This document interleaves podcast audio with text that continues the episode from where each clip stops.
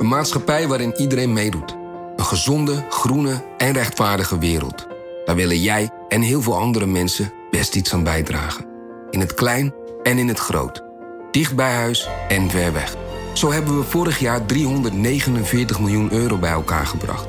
Miljoenen waarmee onze goede doelenpartners de wereld elke dag een beetje beter kunnen maken. Nationale Postcode Loterij. Samen voor een betere wereld.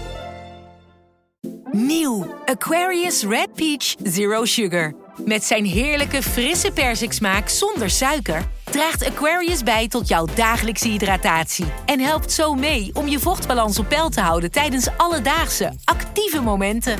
Thuis, op het werk of onderweg. Ook verkrijgbaar in smaken lemon en orange. Probeer hem nu.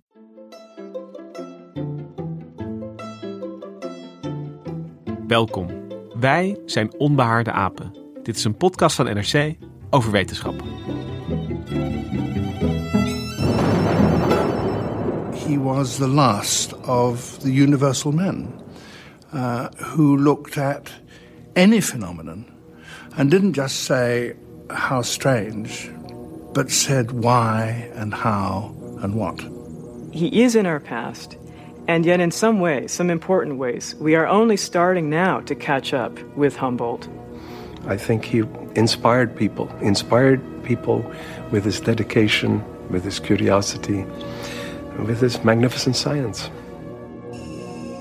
Je hoorde hier een klein stukje uit de BBC-documentaire Alexander von Humboldt uit 2017. We zijn zijn naam nu een beetje vergeten, maar de mensen die hem nog wel kennen, die kennen hem als de grondlegger van hoe we nu naar de natuur kijken. De founding father van de ecologie. En von Humboldt was inspirator van bekende wetenschappers en kunstenaars zoals Goethe en Darwin. Alexander von Humboldt werd geboren in 1769, dat is dus iets meer dan 250 jaar geleden. Maar zijn blik op de wereld en de natuur die is ook nu nog relevant. Misschien wel relevanter dan ooit. In deze aflevering gaan wij dieper in op deze wetenschapper, ontdekkingsreiziger en denker. En uh, om daarover te praten ben jij aangeschoven, Gemma Venhuizen. Jazeker. Jij uh, wilde graag over Alexander van Humboldt praten. Waarom? Ik was met de jaarwisseling was ik in Berlijn en een beetje bij toeval belandde ik daar uh, op een tentoonstelling naar aanleiding van die 250 jaar uh, geboortedag. Of naar aanleiding van zijn 250ste geboortedag was daar een tentoonstelling over Alexander en zijn broer Wilhelm. En ik werd op slag een beetje verliefd op die oude man. Want uh, ik heb altijd al wel een zwak voor ontde ontdekkingsreizigers, moet ik zeggen. En ook wel voor natuurwetenschappers. Zeker die, hè, van die oude, oude mannen die gewoon nog de natuur met een heel open vizier tegemoet traden. Maar er was meer. Er was iets in zijn honger naar kennis en iets in zijn, zijn bedrevenheid. Ik zag daar ook wat dagboekaantekeningen van hem. Echt vrijwel onleesbaar, maar dat terzijde.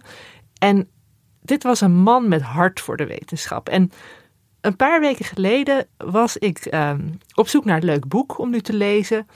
En toen was daar het boek De Uitvinder van de Natuur, uh, de biografie van Andrea Wolf. Jij hebt haar nog geïnterviewd, hè? Ja, toen dat boek net uitkwam in 2016. Ja, en um, nou, ik dacht, dit is nou een lekker dik boek voor deze periode om me eens helemaal in, uh, in te verdiepen.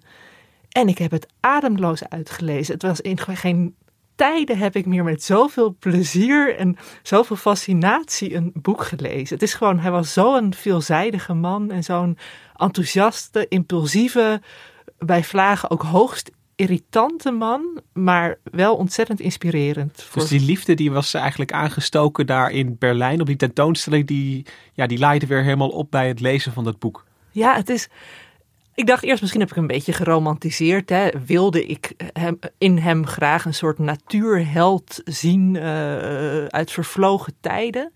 Maar ja, je, je, hangt gewoon echt aan zijn lippen bij al die dagboekfragmenten en zo. Het is gewoon zijn, zijn lust voor avontuur ook. Ik bedoel, hij, hij springt overal in. Hij onderwerpt zichzelf ook aan de gevaarlijkste experimenten soms. Maar het loopt gelukkig altijd goed af. Hij heeft uiteindelijk bijna de leeftijd van 90 jaar bereikt. Nou, dat lijkt me. Je hebt heel goed aangegeven, denk ik, waarom hij jou zo, uh, zo inspireert en fascineert. Uh, Hendrik Spiering, jij zit ook aan tafel, wel op afstand. Ik zie je via een scherm. Ehm, maar Gemma heeft een hele romantische blik op uh, Humboldt en uh, de, zijn ideeën en de wereld waarin hij leefde. Is dat voor jou ook zo? Uh, nou, ik ben minder aangeraakt door de verliefdheid op dit soort oude ontdekkingsreizigers. Maar ik kan me de fascinatie van Gemma totaal voorstellen. Want het is echt een hele bijzondere man op een, op ook een heel bijzonder moment omdat hij dus een, een hele brede wetenschapper was. We kennen hem nu vooral vanwege zijn natuurverkenningen. En ook zijn, zijn basisidee dat alles in de natuur met elkaar samenhangt. Eigenlijk de basis van moderne ecologie. Maar hij deed nog veel meer. En dat is ook zo mooi, omdat dat ook een, een, een, een teken is van de tijd waarin die, waar die komt. We zijn nu zo gewend om, om wetenschap op te hakken in scheikunde, uh, natuurkunde, geschiedenis, psychologie. En in feite is die verdeling tijdens zijn leven ongeveer ontstaan. Natuurlijk ook omdat hij zo ontzettend lang geleefd heeft. Hij is, hij is bijna 90, of hij is misschien wel 90 geworden. Ja, 1859. Hij is op 6 mei gestorven, dus hij is net niet 90 geworden. En dat is ook echt een van de allerbelangrijkste periodes uit uh, het ontstaan van de wetenschap eigenlijk. Nou ja, niet want je kunt nog wel meer belangrijke perioden, maar het is een hele belangrijke periode in ieder geval. En normaal ben ik altijd een beetje sceptisch als iemand ja, de laatste Homo Universalis als zo'n titel uh, krijgt. Uh, dan denk ik van ja, er zal er vast nog wel eentje zijn geweest daarna. Maar is daar in zekere zin iets voor te zeggen, Hendrik? Ja, Homo Universalis, dat is altijd een soort uh, Leonardo da Vinci-etiket wat iemand dan krijgt. En ja, ik vind het best om hem de laatste Homo Universalis te noemen. Want ja, hij, hij, hij komt uit die oude wereld waarin uh, mensen natuur, natuurscheikunde, uh, misschien zelfs een beetje wiskunde ook nog en uh, biologie. Dat was allemaal nog één grote natuurforschung. En ja, hij deed dus van alles. Hij heeft ook nog de Azteken hun naam gegeven. Dus hij deed ook nog een beetje antropologie. Dus volgens mij is dat wel toelaatbaar om hem zo'n prachtige etiket te geven. Oké, laten we het gewoon doen. Humboldt was de laatste Homo Universalis. En vandaag in deze aflevering gaan wij in zijn kielzog eigenlijk door de tijd, zijn reizen achterna, de pampa in, de bergen op, de bossen in. En kijken wat Humboldt allemaal ja, zag, beschreef en uh, ons probeerde te leren. Um, je was er al een beetje mee begonnen, Hendrik. Maar uh, ik, ik wil even terug naar die wereld waarin Humboldt geboren werd in uh, eh, 1769. Dus Humboldt werd geboren in Pruisen en dat is een land dat we nu niet eens meer kennen, Hendrik. Hoe zag die wereld van Humboldt eruit? Voor hem, in zijn jeugdjaren in ieder geval. Ja, heb je even? ja, niet te lang, want we moeten ook nog met hem mee op reis. Ja, daarom. Ik zal het super kort houden. Eerst uh, Pruisen, dat is zeg maar het, het kleine onderwerp. Uh, Pruisen is eigenlijk een nieuwe staat die uh, uh, op militaire grondslag is gesticht. In feite door koningen rond 1750. Frederik de Grote is daar een bekende koning voor. En dat is eigenlijk, heeft, wij zijn geen natuurlijke grenzen, dus alles draait om de organisatie van het land en het leger. Het is eigenlijk ontstaan uit het, uit het hertogdom, is het geloof of graafschap uh, Brandenburg. Precies in die tijd dat hij geboren wordt, wordt uh, Pruisen een macht van betekenis. Volgens uh, veel historici zou je kunnen zeggen dat Van Humboldt in de middeleeuwen geboren is. Het Ancien regime, wat eigenlijk vanaf het jaar 1000 met de opkomst van de handel, de steden, de, de staten, Engeland, Frankrijk, Duitsland, Italië, zoals we dat nu zo'n beetje kennen nog steeds ontstaat dat, een bepaalde cultuur van de adel en de feudaliteit. En daar komt pas uh, met de Franse Revolutie en de verovering door uh, Frankrijk van een groot deel van Europa een eind aan. Dus heel veel historici laten de moderne tijd uh, beginnen in, met de Franse Revolutie. In 1769, toch? 89. Oh, sorry, 1789. Dus 20 jaar later. Dus toen die 20 was, toen viel de muur. Ik bedoel, toen brak de Franse Revolutie uit. Toen viel de guillotine op heel veel hoofd, vooral. Maar hij, hij, dus de geest van revolutie wordt eigenlijk ontkurkt tijdens het leven van. van ja, je kunt het ook in. Het is een, een, een culturele uh, uh, kookpot. Je gaat van verlichting naar romantiek. Rond 1800, onder allerlei invloeden die ik niet zal noemen, ontstaat er ook een soort. Ja, met in de romantiek een, een, een gevoel voor emotie, voor het, voor het individu. Nog veel sterker dan daarvoor. En een soort gevoel dat je dus ook om, om arme mensen zou kunnen bekommeren. Dus het is echt een hele grote verandering die, die eigenlijk uh, de grootste verandering in de afgelopen duizend jaar is eigenlijk. En uh, jij noemde ook de verlichting. Dus, dus als uh, heeft von Humboldt zowel die ja, waardering voor de ratio als die, de waardering voor het gevoel die dan de, de, ja, wat meer bij de romantiek hoort, zeg maar, meegekregen. En, en, kunnen we dat dan ook ja, een beetje zien als een soort bron van die hele brede, empathische en geleerde inborst? wat je eigenlijk voor uh, de verlichting en de romantiek als, als vuistregel kan zeggen, dat is het oude cliché, dat de verlichting, waarin hij natuurlijk, waar hij een enorm product van was, gaat het om de ratio, eigenlijk om het rationeel begrijpen van de wereld en van jezelf. Dus door het verzamelen van kennis en het beredeneren op rationele wijze, zonder dat je uh, beroep doet op goddelijke openbaring. Dat is eigenlijk de revolutie van de, van de verlichting in de 18e eeuw. En de romantiek is veel meer dat je uh, door, door een soort contemplatie tot dieper emotioneel inzicht komt. En dat, daar heb je eigenlijk uiteindelijk in de wetenschap niet zoveel aan. aan dat, dat is voor je persoon heel belangrijk, voor je persoonlijke ontwikkeling. Maar om een ander te overtuigen dat de wereld eigenlijk uit kaas bestaat, is dat geen geldig argument. En uh, jij zegt de wetenschap, maar bestond die wel uh, zoals we nu ja, de wetenschap als een instituut beschouwen met ja, universiteiten, met tijdschriften waarin wetenschappers publiceren? Nou, eigenlijk niet. Zelfs het woord scientist was nog niet in zwang. Wat, wat Gemma ook zegt, wetenschap als, als, als woord bestond, werd nog helemaal niet zo gebruikt. Je had uh, natuur, natuurfilosofie, je had natuurlijke historie, en je had een soort wiskunde. En uh, bijvoorbeeld natuurkunde viel dan onder uh, natuurfilosofie, want dat zocht dan de verklaring voor dingen. Dus Newton die deed ook aan natuurfilosofie. En, maar er viel ook alles onder. Eigenlijk. viel ook onder de, de, de psychologische wetten die men misschien veronderstelde. En de wetten van de staatkunde. Waarom wordt een, een, een dictatuur een democratie? Dat is natuurfilosofie. Ik overdrijf het misschien een beetje, maar dat, dat was eigenlijk het, de kern. En pas in de tijd van Humboldt, natuurlijk pas in de tijd van Humboldt, begint dat langzaam op te delen. Rond 1840, hè, dus als hij al een wat oudere man is geworden inmiddels, dan, dan ontstaat er echt al die verschillende disciplines. Dan wordt natuurkunde ook. Zijn, dat is eigenlijk wat er overblijft als de scheikunde en de geologie en, en dat soort dingen er allemaal afgevallen zijn. En dan ontstaat ook pas de geschiedwetenschap en de psychologie komt dan langzaam op.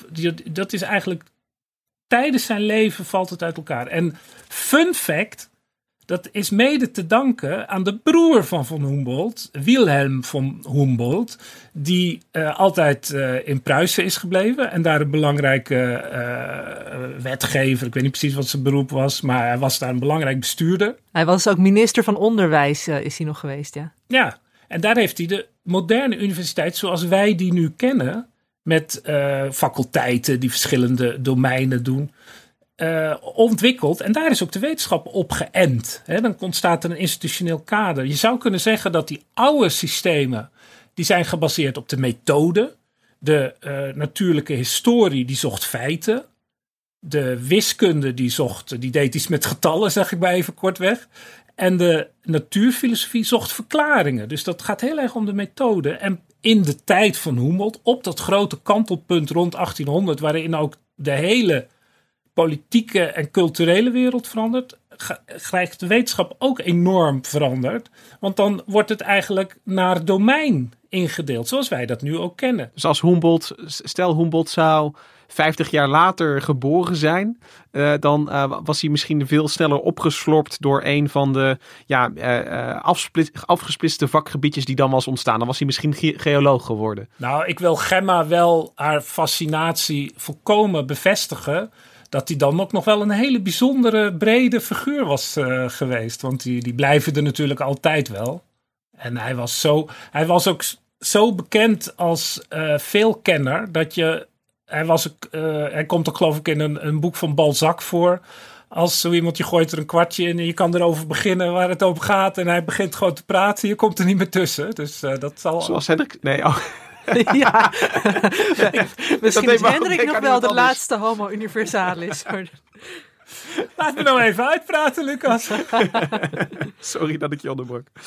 Ehm, en als het, eh, eh, in, in, in Duitsland zijn er nog von Humboldt universiteiten, in Berlijn eh, eh, bijvoorbeeld. Eh, is, is, dat, is die dan vernoemd naar Nee, die is naar Wilhelm. Ja, die is naar Wilhelm Ja. vernoemd. Die is naar Wilhelm Ja. vernoemd. ja, die is wel echt de universiteitsgrondlegger. Maar Maar Gemma, dan ben ik, wil ik van van jou wel weten. We hebben dus een eh, gezin waarin de ene broer wordt onderwijsminister en de andere broer wordt een, een ja, ontdekkingsreiziger en, en, en veelweter en alleskunner. Wat voor nest is dat waarin von Humboldt geboren wordt? Nou, dat onderscheid zat er eigenlijk in hun vroege jeugd al in. Ehm, ze zijn opgegroeid in een heel welgesteld nest eigenlijk, op een landgoed Tegel, even buiten Berlijn.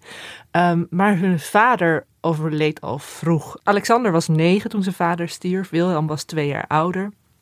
En hun moeder was eigenlijk nogal liefdeloos. Of in ieder geval, ze was helemaal niet aanhalig. En ze wilde wel een hele goede, gedegen opleiding voor hun zoon, voor haar zoons. Uh, maar dat ging met de harde hand. En het nare voor. Hoe weten we dat? Weten we dat van uh, de, wat Alexander en Wilhelm zelf nog naverteld hebben? Ja, dat of? bleek ook uit brieven. Ze stuurden allebei ontzettend veel brieven. Maar er zijn ook eigenlijk al in de loop uh, van door de eeuwen zijn heel veel biografieën verschenen. En dat is dan allemaal gebaseerd op die briefwisselingen, op uh, dagboekfragmenten ook van Alexander en van Wilhelm. Um, maar het flauwe was ook dat Wilhelm was een paar jaar ouder dus. En daardoor leek Alexander altijd een beetje de domkop. Zo werd hij ook weggezet. Van dat maar te hopen was dat hij nog een beetje een geringe intelligentie zou ontwikkelen. Want Wilhelm was hè, zo, zo, uh, zo goed in het lezen van allerlei teksten. En die was altijd super geduldig en braaf. Maar Alexander wilde naar buiten. Die wilde de bossen in. Die wilde kevers verzamelen. En uit die hele biografie krijg ik de indruk van een heel rusteloos, beetje impulsief jongetje. En tegelijkertijd een jongen die zich dus de, de mindere van zijn broer voelde voor hele lange tijd. En er is altijd gedurende hun hele leven wel een soort vrevel gebleven, maar ook wel een diepe liefde. Die broers waren er voor elkaar. Ze waren er niet zozeer voor hun moeder, want um, nou ja, rond de tijd van de Franse Revolutie, toen wilde eigenlijk, uh, Alexander wilde al steeds meer de wereld in enzovoort. Maar hij was een beetje bang voor zijn moeder, hij durfde niet. Maar toen zij tegen de tijd dat hij dertig werd overleed, toen uh, heeft hij ook nooit meer naar haar omgekeken, is niet op de begrafenis gekomen en heeft alleen de erfenis opgestreken en is toen op pad gegaan. Wat ik me dan wel afvraag is um, ja, hoe je dan in uh, het einde van de 18e eeuw, hoe je dan een wetenschappelijke carrière begint. Hoe ging dat voor Alexander? Ja, ze hadden in zekere zin, kwamen ze dus in een gespreid bedje terecht. Hè? Ik bedoel, de familie was bekend. Er gingen overal allerlei deuren voor hun open. En ze waren eigenlijk verzekerd van een goede, gedegen opleiding. Maar tegelijkertijd had die moeder een heel duidelijk beeld voor ogen. Dat haar zoons moesten Pruisen helpen. Uh, ze moesten echt een, soort, een soort ambtelijke functie krijgen. En Wilhelm vond dat prima. Maar Alexander, nou, die was maar aan het morren en zo. Uh, maar goed, die wilde dus niet de goodwill en zijn erfenis verspelen. Dus hij is wel een opleiding gaan doen. Is toen mijnbouwkunde gaan uh, studeren. Er zat al wel iets van die onderzoekende kant in. Um, die hem toch in de gelegenheid stelde dat hij een beetje op veldwerk kon gaan en naar buiten kon gaan. Maar waar, waarmee hij tegelijkertijd ook Pruisen van dienst zou kunnen zijn. Dus dat zou een, een soort tussenoplossing kunnen zijn. Van, ja. van uh, wel een leven buiten en, en de bodem onderzoeken en dan tegelijkertijd de staat helpen. Ja, dat hij dan minister van mijnbouw zou kunnen worden of zo later. Ja, maar toch is hij van dat pad afgeraakt. Was het, ik kan me voorstellen dat de mijnbouw uh, uh, misschien zo'n nieuwsgierig, onrustig iemand niet helemaal uh, ja, intellectueel bevredigd. Nou, het grappige was, weet je, ik vertelde net al een beetje over zijn tomeloze energie als klein jongetje. En die is hij nooit meer kwijtgeraakt. Dus ook in de tijd dat hij mijnbouw studeerde, dan stond hij ochtends al na een paar uur slaap, stond hij om zes uur op om even een paar uur het veld in te gaan voor de colleges te begonnen. En ook uh, in zijn vrije tijd volgde hij nog wat vakken anatomie en zo, weet je. Dus in die zin maakte hij zelf wel een leuke bonte verzameling van, uh, van zijn leven. Hij had eh, bijvoorbeeld één grote hobby opgevat. Dat was het zogeheten galvanisme. Er was een Italiaanse wetenschapper, Galvani, en die geloofde erin dat dierlijke zenuwen elektriciteit uh, bevatten. Dat er dus echt een soort stroompjes uh, door het dierenlichaam liepen. En die jonge Alexander, die was daar wel benieuwd naar. Die dacht, ik ga leuk experimenten doen. Dus die heeft duizenden kikkers in zijn leven ontleed en dan allemaal vrij gruwelijke experimenten onderworpen. En hij was dus zo gefascineerd door dat gegeven van het galvanisme, dat hij uh, niet alleen die duizenden kikkers aan allerlei gruwelijke experimenten onderwierp, maar ook zijn eigen lichaam gebruikte als een soort model daarvoor. En daar schrijft Wolf ook mooi over in de biografie. Ik zal een stukje voorlezen. Metalen slangen, tangen, glazen platen en flesjes met chemicaliën werden op tafel opgesteld, naast pen en papier. Met een scalpel sneed hij in zijn armen en zijn bovenlijf. Vervolgens wreef hij voorzichtig chemicaliën en zuren in de open wonden, of bevestigde hij plaatjes metaal, metaaldraad en elektrodes op zijn huid of onder zijn tong. Zorgvuldig noteerde hij ieder bewegingje, iedere stuiptrekking, ieder pijntje en elk branderig gevoel. Veel van zijn wonden raakten geïnfecteerd en op sommige dagen zat zijn huid vol bloederige striemen. Zijn toegetakelde lichaam zag eruit als dat van een straatjochie dat gevochten had, erkende hij. Maar toch rapporteerde hij trots dat het ondanks de vreselijke pijn allemaal prachtig verliep. Wat zegt deze anekdote jou, Gemma, over eh, de, de jonge Humboldt, zeg maar? Van, van iemand die ja, toch, toch wel zo ver gaat dat, dat zelfs zijn eigen lichaam niet, uh, uh, niet heilig is in de zoektocht naar kennis. De toewijding, de volkomen overgave aan de wetenschap, die eindeloze fascinatie, dat hij overal een, een kans, een experiment in zag. En is het ook. Um, ik, ik, kan me voorstellen dat, dat ja, als, als we dat nu zouden horen, dan zouden we ons zorgen maken over iemand die ja, zichzelf uh, toetakelt. En kun je ook zeggen dat hij, dat hij een, een, een moeilijke jeugd had? Of, of, of daarin een, ja, een, ja, problemen had met, met hoe hij zich moest verhouden tegenover zijn moeder? Heeft dat nog een, een, rol gespeeld? Weten we daar iets van? Hij heeft zich daardoor denk ik wel altijd een beetje een, een buitenbeentje, een Einzelganger um, gevoeld. En dat was moeilijk. Uh, eenzaamheid was wel een terugkerende um, uh, factor in zijn leven. Daar schreef hij ook heel vaak over, ook in, in zijn brieven en zo. Uh, Humboldt die heeft altijd hele diepe liefdesdiepe vriendschappen met mannen onderhouden. En um, hij schreef daar zelf nooit heel expliciet over. Wolf die noemt in zijn biografie ook van ja, hij heeft wel een keer beweerd dat hij geen behoefte had aan uh, de, de, de, de lichamelijke, de, de, de vleeselijke lusten, zeg maar. Maar hij, hij had dus wel echt diep, diepe briefwisselingen waarin hij schrijf, schreef naar zijn mannelijke vrienden van oh, ik kan niet zonder je en zonder jou is mijn leven leeg en jij bent het licht van mijn leven en dergelijke. Dus toch, toch wel liefdesbrieven. Maar in diezelfde brieven, zowel naar zijn geliefdes, naar zijn vrienden, naar zijn um, familieleden, benoemde hij bij vlagen ook wel die eenzaamheid. Die, dat, dat, dat, dat bittere gevoel. En ik denk dat dat hem ook ertoe dreef dat hij zich zo op zijn werk stortte. Aan, aan Humboldt kunnen we het natuurlijk niet meer vragen. Maar Hendrik, is er iets te zeggen over homoseksualiteit in Europa in, in die tijd? En of dat, uh, of, of dat gangbaar was, of dat dat kon? Nou, dat bestond gewoon. En er was natuurlijk een soort taboe op. Je moest er niet mee te koop lopen natuurlijk. Hij heeft dan later uh, laat hij een, groot deel van zijn geld, of misschien wel al zijn geld, na aan zijn bediende. Die dan getrouwd is later en uh, kinderen heeft. En daar laat hij alles aan na. In ieder geval een groot deel. En er wordt dan wel gezegd, ja, dat was eigenlijk een normale constructie. Dat je dus uh, niet met je vriend samenwoonde, maar dat je dan, dan was je dus, had je een relatie, een homoseksuele relatie met iemand uit lagere kringen. En die nam je dan gewoon in dienst als bediende.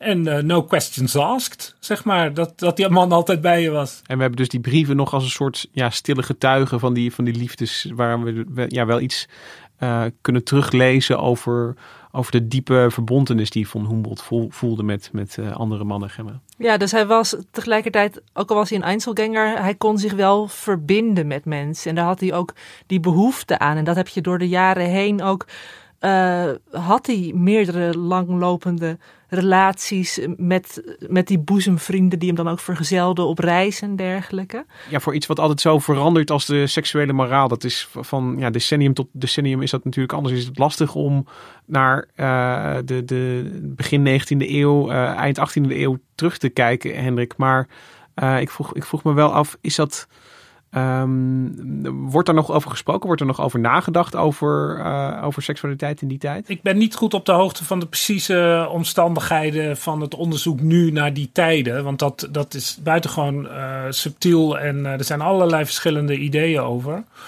En, maar het bestond natuurlijk. Maar ik vind het interessante van Von Humboldt is dat hij wel gepassioneerde brieven schreef. Waarbij je dan altijd moet bedenken dat in deze tijd uh, brieven ook een hoger emotioneel uh, niveau hadden dan uh, wij nu onze kattenbelletjes en e-mails sturen. Het, zeg maar de retorische verlangens worden groter opgeschreven dan wij zouden doen bij dezelfde hoeveelheid gevoel, misschien. Maar vervolgens vind ik ook van Humboldt wel interessant, en daar zou ik eigenlijk ook wel meer over willen weten, omdat hij, hem wordt eh, hij wordt zeg maar homoseksueel benoemd, maar heeft zichzelf eigenlijk nooit zo geuit of dat uh, uh, opgeschreven of, of zich daartoe bekend, laat ik het zo zeggen. Dus hij zit er een beetje tussendoor. En op grond van wat in de biografie staat, zou je ook kunnen zeggen dat hij dus ja, aseksueel is. Dat, dat zou ook nog kunnen. Dat kunnen we allemaal. misschien is er nog meer over te zeggen, maar dat kun je zo laten. Dat, maar er is dus een, een, een, een, laatst nog een affairetje geweest in Nature daarover. Want er was een, een, een herdenkingsnummer over ecologie, wat helemaal draaide om van Humboldt, die toen al 110 jaar dood was of zo, of 160 jaar, dat weet ik niet, gewoon niet. Eh, in, in het lofliedstuk werd er met geen woord over zijn mogelijke homoseksualiteit gesproken. Maar een week later kwam er gelijk een brief van wetenschappers die vonden dat dit een typische ouderwetse manier van denken is en ook een, een, een, een wegzetten van homoseksuelen en transgender wetenschappers om uh, om, om dat niet te noemen. Dus voor heel veel moderne wetenschappers, in ieder geval die mensen die de brief schreven, is zoiets toch belangrijk. Ook als rolmodel. Als het, je moet er, het is ook gek om er helemaal niks over te zeggen natuurlijk. Want het, het is nu weer politieke strijd erover natuurlijk. Ja, dus, dus, dus uh, daar komen we later denk ik nog op, maar hoe zijn ecologische ideeën eigenlijk ook weer nu uh, tegen het licht worden gehouden. Gaat het ook zo met zijn persoonlijk leven eigenlijk, dat dat weer opnieuw geïnterpreteerd en, en gepolitiseerd wordt? Ja, maar het maakt hem ook interessanter, want hij wordt daardoor eigenlijk moderner. Ja, driedimensionaler denk ik ook. Ja, maar dan, ja, we hebben die, die hele nieuwsgierige mijnbouwkundige op een gegeven moment. Hoe trekt zo iemand de wijde wereld in. Oh, hij voelde zich zo gekweld. Hij had zoveel zelfmedelijden. Eigenlijk tot kort voor zijn dertigste jaar. Dan maakte hij wel reisjes in Europa, zelfs een keer naar Egypte. Maar hij wilde de wijde wereld in. Hij wilde ver van huis. En dat mocht dus niet van zijn moeder. En hij zat nogal onder de plak. Die fascinatie van Humboldt, die klinkt ook wel duidelijk door in de, in de teksten die hij heeft nagelaten. En uh, een Britse acteur heeft in die BBC-documentaire die we aan het begin ook al noemden, uh, ja, voorgedragen hoe Humboldt inderdaad verlangde naar de wereld om hem heen. Since my earliest youth, I had an intense desire to travel in those distant lands which have been rarely visited by Europeans. This urge brought me to a moment when life appears a boundless horizon. And nothing attracted me more than the awakening of new emotions and the intense thrill of danger. But what drew me to the tropics was not just the promise of adventures, but a desire to see with my own eyes a grand and wild nature. And the prospect of collecting facts which might contribute to the progress of science. Ja, en toen op zijn 29ste leek opeens het lot hem gunstig gezind. Um, zijn moeder overleed. Uh, volgens mij heeft uh, Alexander daar geen tranen om gelaten. In ieder geval is hij absoluut niet uh, bij haar begrafenis geweest. Uh, zijn broer Wilhelm die had nog wel in het jaar voor haar dood voor haar gezorgd. Alexander die is geloof ik één keer heel kort eventjes wel nog dag komen zeggen. Maar um, ook Wilhelm verliet haar enkele maanden of enkele weken voor haar dood. En ze stierf heel alleen. Dus dat is wel triest. Maar voor Alexander een kans eigenlijk. Ja, zeker een kans. En um, hij was ook al wel bezig geweest met een zekere voorbereiding. Of in die, die tijd, zeg maar, toen zij, overleef, toen zij overleed, toen um, wist hij van, nou, ik mag op pad, ik, ik, ik kan uh, weg als ik wil. Maar hij moest natuurlijk nog wel een plek hebben waar hij ook naartoe kon. Zo makkelijk was dat in die tijd niet. Je moest toch wel een schip voorhanden hebben en ook een plek waar je welkom was.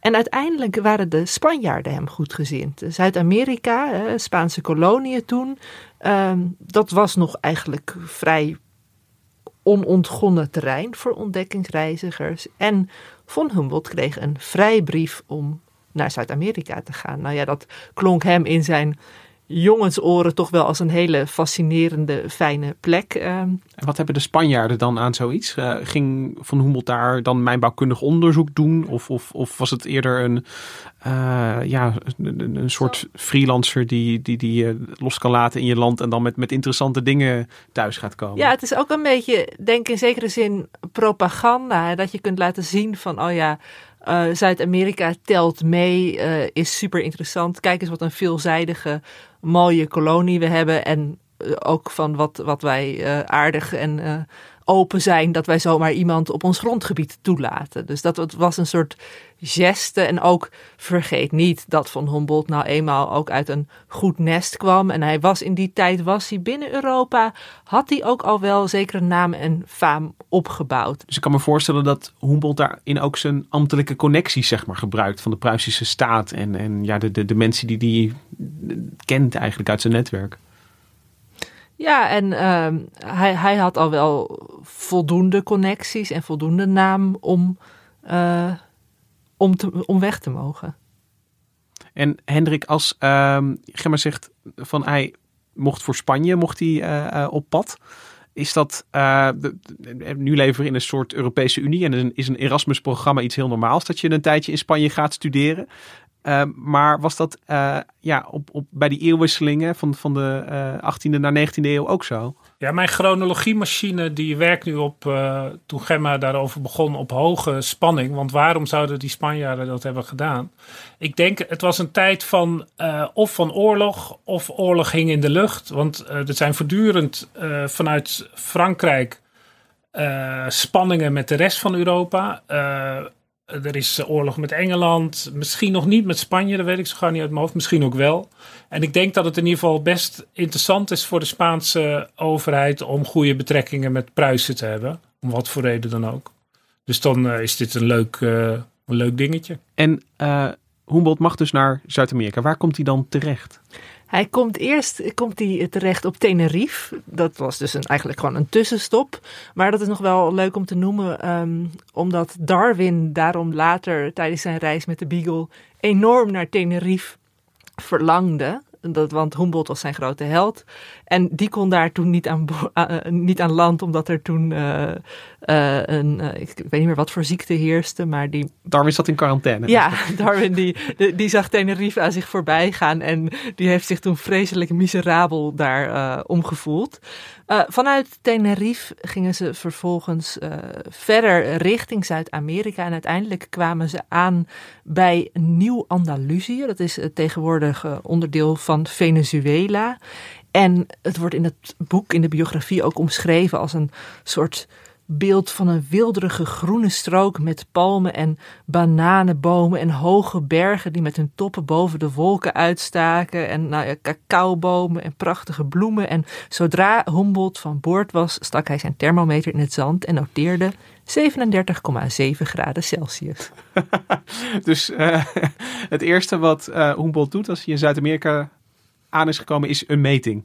Ja, dat was typisch zijn. eh, ik bedoel, hij, hij heeft natuurlijk zijn ogen ook de kost gegeven. Ja, dat- weet je, al zijn zintuigen. Dat, eh, maar eh, hij wilde meteen ook feitelijk, ja, zijn apparatuur. Oh, dat was toen er één keer tijdens die reis een barometer sneuvelde, was hij ontroostbaar. Zijn apparatuur had hij gewoon de jaren daarvoor in Europa verzameld om maar voorbereid te zijn van als hij eenmaal op reis mocht, dat hij dan ook het beste van het beste had. Want hij wilde een soort vergelijkend netwerk opzetten. Hè? Van op zoveel mogelijk plekken, zoveel mogelijk informatie eigenlijk eh, En- scoren. Ja, en had, want, want dat wil, daar was ik wel benieuwd naar. Had, had Van Humboldt daar een, een plan eh, achter? Wat, wat was zijn onderzoeksvoorstel, zeg maar, om het zo maar te vragen? Want, want eh, een, een, een temperatuurmeting van de bodem, dat klinkt een beetje willekeurig. Was, was hij gewoon geïnteresseerd in alle gegevens? Ja, ik denk dat het tegelijkertijd een zegen en een vloek was, hè, die brede interesse. Want andere ontdekkingsreizigers gingen wel heel duidelijk soms voor de botanie bijvoorbeeld, of voor de, voor de eh, vogels. Maar ehm, Van Humboldt had wel een metgezel, Aimé Bonpland. Dat was trouw- trouwens echt wel een platonische verhouding. ehm, want later op die reis kwam Van Humboldt nog wel mogelijke geliefdes tegen. Maar Bonpland was altijd een goede makker. Eh, en, en, en die Bonpland, die was van de planten. Dus die ging heel veel planten verzamelen. Dat was dus een onder... De naam zegt Ja. het al. Ja, precies. Goede plantenverzamelaar. Van Humboldt had toen al het idee om dat nieuwe continent met een soort hele gulzige sponsenblik ehm, te observeren. Weet je, hij wilde in die zin ook de, de breedheid vastleggen en gewoon alles wat hem van belang leek, maar ook, en dat ontwikkelde zich steeds meer tijdens die reis wel, de onderlinge verbanden daartussen, dus binnen Zuid-Amerika, maar ook wereldwijd. eh, hij begon steeds meer één, de wetenschap of, of de natuur eigenlijk als één groot web van verbanden te zien. En eh, als, ja, er is nog ook nog wat te ontdekken in Zuid-Amerika natuurlijk. eh, zeker voor een, voor een West-Europeaan. Maakte Humboldt ook nog ja, echte ontdekkingsreizigers, avonturen mee, zoals we die kennen uit eh, spannende verhalen? Nou, eigenlijk al in die eerste paar maanden dat Van Humboldt en Bonpland in Zuid-Amerika waren, ze waren nog steeds in Nieuw-Andalusië, in een stad die Cumaná heette. Toen ehm, maakten ze opeens een aardbeving mee. En het grappige was dat zelfs die bevende aarde, die weerhield Van Humboldt er niet van om toch nog even te gaan meten. En ehm Wolf die schrijft ook in de biografie, hij mat de tijdsduur tussen de schokken, noteerde dat de trillingen van noord naar zuid liepen en verrichtte elektrische metingen. Maar ondanks zijn uiterlijke onbewogenheid voelde hij echter een grote beroering van binnen. De trillende grond onder zijn voeten verwoestte een illusie die hij zijn hele leven had gekoesterd, schreef hij. Tot dat moment had hij vertrouwen gehad in de stabiliteit van de natuur, maar daarmee kwam hij nu bedrogen uit. Nu koesteren wij argwaan tegen de grond waarop wij zo lang vol vertrouwen onze voeten hebben gezet, zei hij. Maar goed, tegelijkertijd vond hij dat ook wel spectaculair. En eh, kort daarna vertrokken ze ook uit de stad, de prairie in. Ze maakten lange zwerftochten te paard. Ehm, ze hebben ergens zelfs nog een kudde wilde paarden door een poeltje vol sidderalen eh, laten jagen door de inheemse bevolking. Waardoor die paarden allemaal geëlectrocuteerd worden, maar zij vervolgens eh, redelijk veilig de sidderalen konden bestuderen. Die waren al hun eh, stroom toen kwijtgeraakt. Daarna gingen ze ook nog maandenlang hebben ze een rivier afgevaren op zoek naar een soort verbinding tussen de Orinoco en de Amazone. Nou ja, en uiteindelijk kwamen ze in vulkanisch gebied. En dat was al letterlijk ook het hoogtepunt van zijn reis. Want in die tijd dachten mensen dat de allerhoogste berg ter wereld in Zuid-Amerika lag. En dat was de Chimborazo.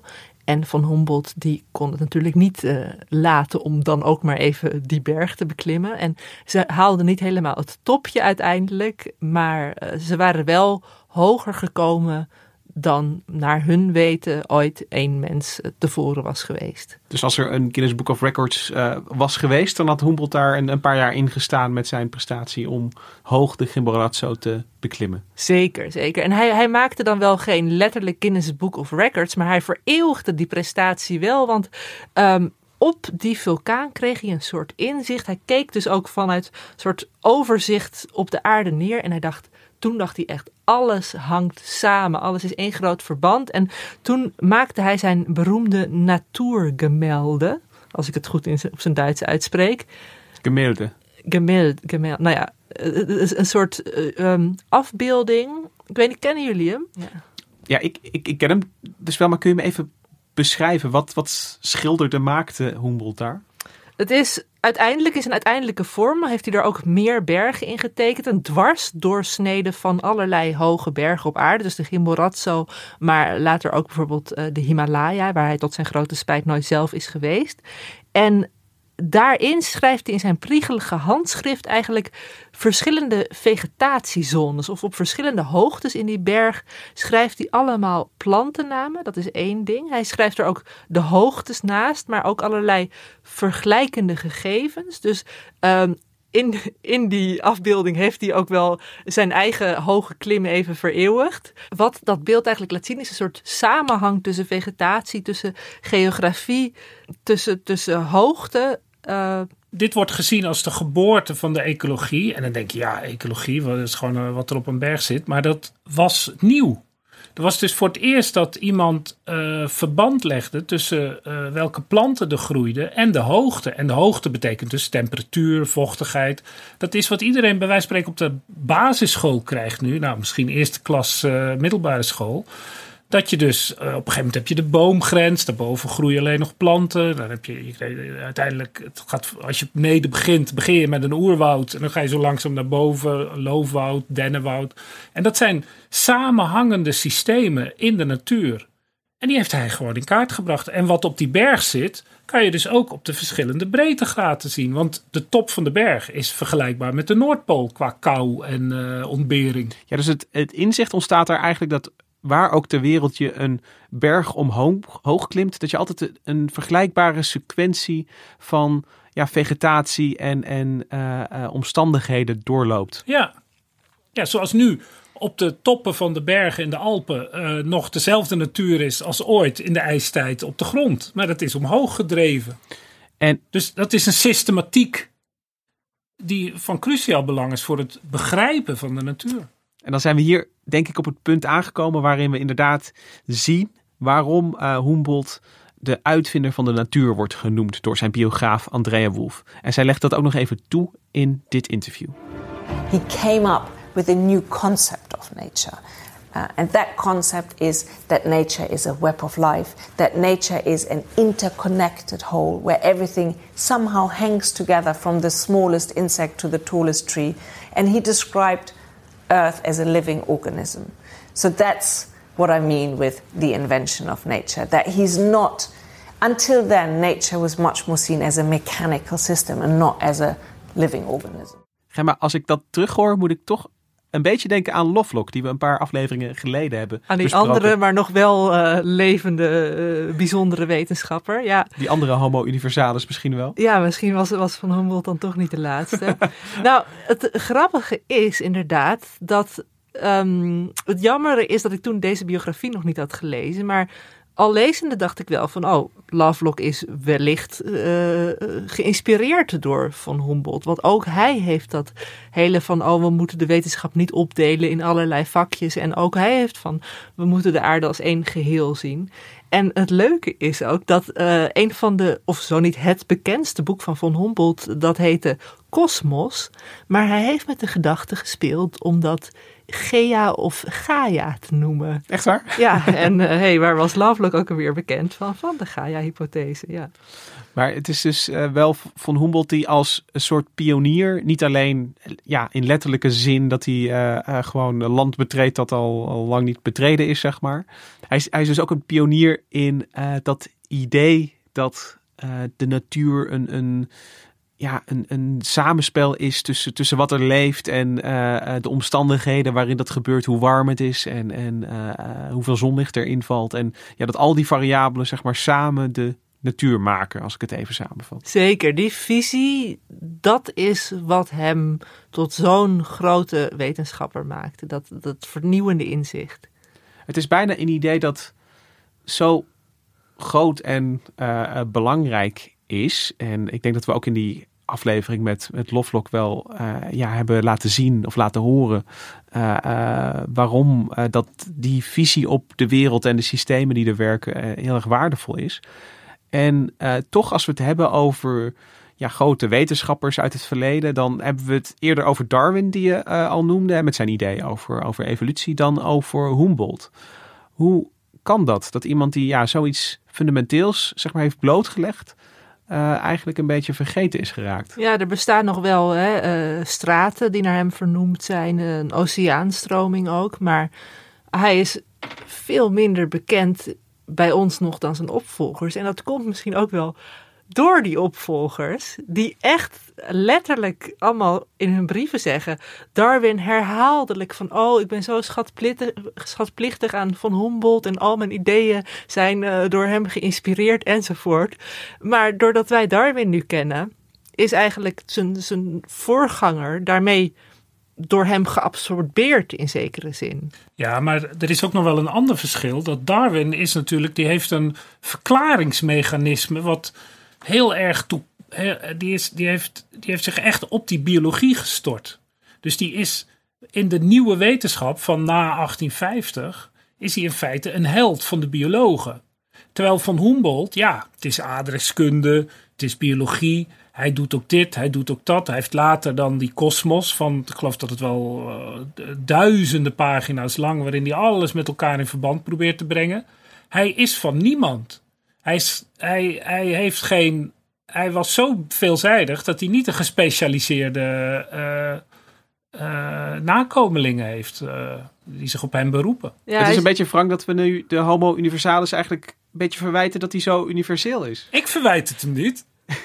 hij is van niemand, maar hij is ook van iedereen. Dat, en in die zin, ehm, goed, destijds, um, op zijn honderdste geboortedag, toen hij dus net uh, een jaar of tien dood was, werd hij echt wereldwijd gelauwerd en gevierd. Maar ook uh, vorig jaar, goed, wij doen het nu in zijn 251ste geboortejaar, maar niet voor niets was er in Berlijn een hele expositie aan hem en zijn broer gewijd. Er is wel echt sprake van een revival. En dat is ook omdat we nu weer heel erg bezig zijn met ecologie, met klimaatwetenschap. En ook daarin was Van Humboldt een voorloper.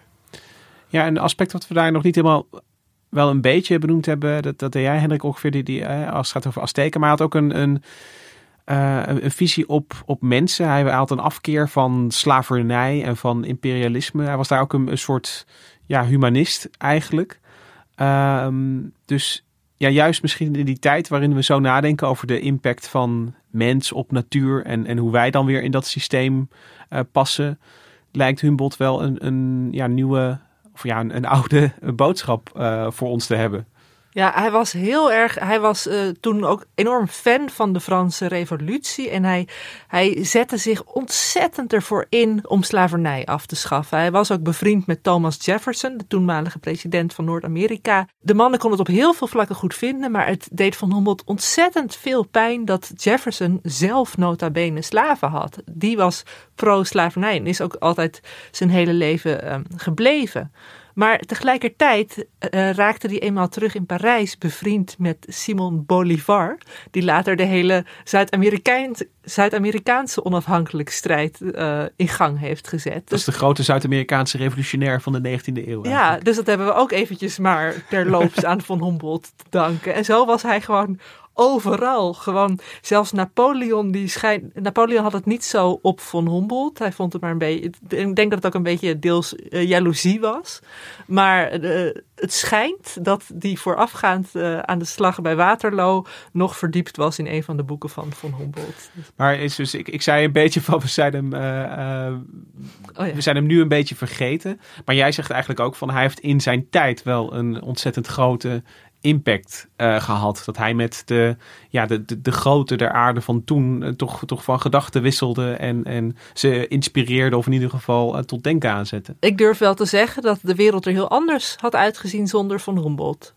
In politiek, uh, in biologie, zelfs ook in literatuur. Goethe, nota bene, die, heeft, uh, die was heel erg bevriend en geïnspireerd, bevriend met en geïnspireerd door Von Humboldt. heeft Faust um, deels wel door hem laten inspireren. Ja, Van Humboldt was dus duidelijk heel erg begaan met de mensen om hem heen. En ja, de, de, de, de universele strijd om vrijheid eigenlijk die, die mensen hebben. Was hij ook al begaan om de planeet? Had hij ook al een soort bewustzijn van de natuur als iets dat beschermd moest worden, zoals we dat nu hebben? Ja, het grappige is dat hij al heel vroeg tijdens zijn reis door Zuid-Amerika ook observaties maakte over de houtkap al daar en de omvorming tot allerlei akkers. En hij noteerde toen eigenlijk van dat hij bang was dat de, de mens de, de aarde uitputte. Hè? En ook wat de invloed van de mens op het lokale klimaat zou zijn. Dat dus bijvoorbeeld doordat de, de bossen zouden verdwijnen, dat het helemaal zou verdrogen. En dat er dus daarmee het land onvruchtbaar zou uh, worden. Die observaties maakte hij allemaal. En hij benoemde het zelfs zodanig. Um, ja, dat, dat, dat hij al wel sprak over de invloed van de mens op het klimaat. Uh, Andrea Wolf die beschrijft het in haar boek als volgt. Humboldt was de eerste die het cruciale belang van bossen voor ecosysteem en klimaat uiteenzette. Bomen nemen water op en verrijken de atmosfeer met waterdamp. Ze beschermen de bodem en zorgen voor een verkoelend effect. Hij sprak ook over zuurstofproductie van bomen en de invloed daarvan op het klimaat. En de effecten van menselijke inmenging waren nu al onoverzienbaar, betoogde hij, en zou, zouden catastrofale vormen aannemen als we doorgingen de wereld zo genadeloos te verstoren. Ik, als ik dit allemaal zo hoor en op een rijtje zet, dan zou ik wel heel erg uh, benieuwd zijn naar wat Humboldt van onze situatie nu zou vinden. Aan de ene kant, we, slavernij uh, uh, hebben we ieder geval voor een groot deel als, als systeem uh, achter ons gelaten. Tegelijkertijd is, is de, de impact op de planeet, als die toen al onoverzienbaar was, dan, ja, dan weet ik niet hoe die dat nu uh, zou noemen. Um, is het eigenlijk een beetje de. dat, dat die vergeten is, is dan misschien extra wrang. Is het niet een, een, een ja, hele goede held voor deze tijd eigenlijk, om even naar terug te kijken? Ja, ik zou wel willen promoten dat we allemaal een stukje van Von Humboldt uh, in ons denken opnemen. En uh, met, met die brede blik naar de wereld om ons heen blijven kijken. En voor jou, Hendrik? Ja, dat vind ik uh, dat Gemma dat heel goed zegt. Want ik vind ook zijn politieke opvattingen. Ja, dat is dan eigenlijk, toen ik, toen ik daar naar keek, was eigenlijk een blijde verrassing. Want ja, uh, dat iemand zo tegen de slavernij is. Dat waren er wel meer. Maar dat is toch, ja, het maakt hem. Je kunt hem vrijelijk bewonderen natuurlijk. Kijk, Jefferson, dat was ook een hele bijzondere man. Die heel veel uh, goeds uh, gedaan heeft. Maar daar blijft het dan toch aan kleven als je daar met een moderne oog naar kijkt. En die, dat van Humboldt, die, die scoort op alle punten, zeg maar. Bingo. Humboldt, bingo. Um, ik denk dat we ja, maar je hebt jouw verliefdheid denk ik overgebracht uh, op ons. Uh, ja. en, en ik denk ook aan de luisteraars. Ik denk dat het... Zonder vleeselijke lusten weliswaar, maar... nou, mag ik nog toevoegen dat ook in zijn tijd er al heel veel vrouwen op hem verliefd waren. En die klaagden allemaal dat hij zo ongrijpbaar was. Dus ja, daar sluit ik me bij aan. Ook uh, voor ons is uh, Humboldt onbereikbaar, zijn idealen misschien ook. Maar je hebt hem uh, toch een stukje dichterbij gebracht vandaag, Gemma. Heel erg veel dank daarvoor. Ook Hendrik, bedankt dat je vanuit de studeerkamer ons wilde vergezellen op ontdekkingsreis. Misha Melita, bedankt voor de productie van deze aflevering. je hoort hier op de achtergrond stilletjes het Dudok kwartet alweer spelen. En wij zijn er volgende week weer. Tot dan!